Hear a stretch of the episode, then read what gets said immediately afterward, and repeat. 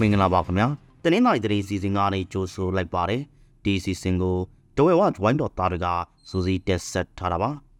ဒီနေ့တက်ဆက်ပေးမယ့်သတင်းတွေကတော့ကံပေါလန်ကိုစစ်ကောင်စီတပ်ကဖျက်သားခွဲပိတ်ဆို့ကန့်သတ်ထားတဲ့အကြောင်းဘလော့ကပြည်သူ့ကာကွယ်ရေးတပ်ဖွဲ့တစ်ခုရဲ့အမည်နဲ့လူမှုကွန်ရက်ပေါ်မှာလိမ့်ညာအလူခံနေတဲ့အကြောင်းပါကောင်မျိုးရှိဥရသမဂအယုရှိမှာဆက်အာနာရှင်ကြာဆိုရေးမြန်မာနိုင်ငံသားတွေစံတာပြကြတဲ့အကြောင်း တဝဲမင်းတဲ့အမည်မသိအမျိုးသားတဦးရဲ့အလောင်းတွေ့ရတဲ့အကြောင်းပန်းသပိတ်မှာပါဝင်တဲ့ဆိုပြီးအဖမ်းခံရတဲ့ရေဖြူမျိုးနယ်ကဒေသခံအမျိုးသမီးလေးဦးပြန်လော့လာတဲ့အကြောင်းပါဝင်ဒီနေ့ရွှေနဲ့ဗာစီအတဲကြစားတဲ့တဲ့တွေကိုနားဆင်ရမှာပါ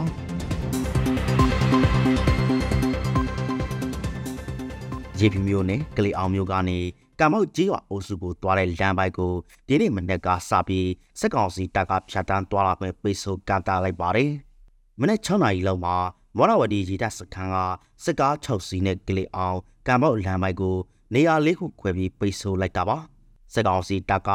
ကံမောက်လမ်းဆိုကံကောတောင်ရွာအဝင်ကံကောတောင်ဘူကြီးကျောက်အနီးနဲ့တဲ့တော်ရုပ်လမ်းဆိုတွေမှာလမ်းပိတ်ထားတာလို့ဆိုပါတယ်။ခီးတဲ့တင်ကားများအပါအဝင်စေကားများကိုပါပြန်လက်ခိုင်းနေပြီးကံပေါက်ဒေတာမှာကောင်းတွေကိုပဲဖြတ်ခိုင်းနေတယ်လို့ဆိုပါတယ်။ဒီလိုလမ်းပိတ်ထားတာကြောင့် ကံပေါက်တဝဲပြေးဆွဲနေတဲ့ခိတ်တဲ့တင်ရှင်လိုက်တွေလည်းရန်နာထားရတယ်လို့ဆိုပါတယ်။အဲ့ဒီလမ်းပိုက်ကိုနှစ်ရက်ကြာဖြတ်တန်းသွားလာခွင့်ကတ်တာမယ်လို့သတင်းထွက်နေပေမဲ့တိကျအတိမပြူနိုင်သေးပါဘူး။သူတို့ဖွဲ့ရဲ့အမိကိုတိုးပြပြီးအကောင့်တူနဲ့ငွေကြေးအလှခံနေတာကိုတွေ့ရတယ်လို့ဘုံမိုးချိုပြည်သူ့ကာကွယ်ရေးတပ်ဖွဲ့ဘလော်မျိုးရဲ့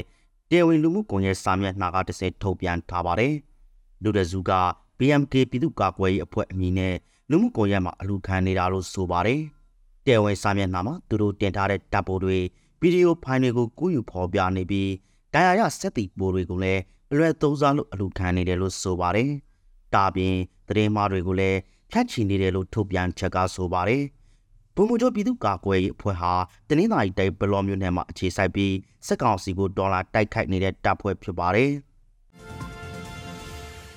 ထိုင်းနိုင်ငံဘန်ကောက်မြို့ရှိကုလသမဂ္ဂရုံးရှိမှာစစ်အာဏာရှင်ကြာဆိုရေးမြန်မာနိုင်ငံသားတွေမနေ့ကဆန္ဒပြခဲ့ကြပါတယ်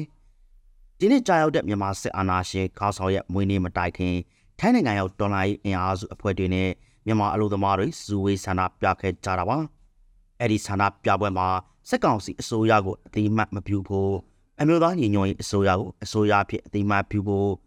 ဒေါ်ဆန်းစုကြည်အပါအဝင်ဖန်ဆီးခံနိုင်ငံရေးကျင်းသားတွေအားလုံးလှုပ်ပေးစားတဲ့အချက်တွေကိုလည်းတောင်းဆိုခဲ့ကြပါတယ်။တာပြင်မြန်မာနိုင်ငံတဲကလူခွင့်ရေးချိုးဖောက်ခံနေရတာတွေအပါအဝင်အခြားအချက်လက်တွေကိုလည်းကုလသမဂ္ဂရုံးကိုအိတ်ဖွင့်ပေးစာပေးပို့ခဲ့ကြပါတယ်။တဝဲမြင့်တဲ့အမည်မသိအမျိုးသားတဦးရဲ့အလောင်းတွေ့ရှိခဲ့ပါတယ်။တဝဲမြေကြောင်းတိုက်မျောပါနေတဲ့ပုတ်ပွားနေတဲ့အမျိုးသားအလောင်းကိုငါးဖက်နေသမားတွေကတွေးရှိခဲ့တာပါ အဲ့ဒီအမျိုးသားသိဆိုးရတဲ့အကြောင်းရင်းနဲ့ဘယ်သူဘဝဆိုတာမသိရသေးဘူးလို့ဆိုပါတယ်ပန်းသပိတ်မှာပါဝင်တဲ့ဆိုပြီးဖန်ဆီးခံရတဲ့ရေဖြူမျိုးနဲ့ဖောင်းတော်ရွာကဒေသခံအမျိုးသမီးလေးဦးဟာဂျော်လာ30ရက်နေ့ကပြန်လဲလွန်မြောက်လာပါတယ်စစ်ကောင်စီတာကသူတို့လေးဦးကိုတပ်ပေါ်မှန်တန်တဲ့တကွာဂျော်လာ19ရက်နေ့ကလာရောက်ဖမ်းဆီးခဲ့တာပါ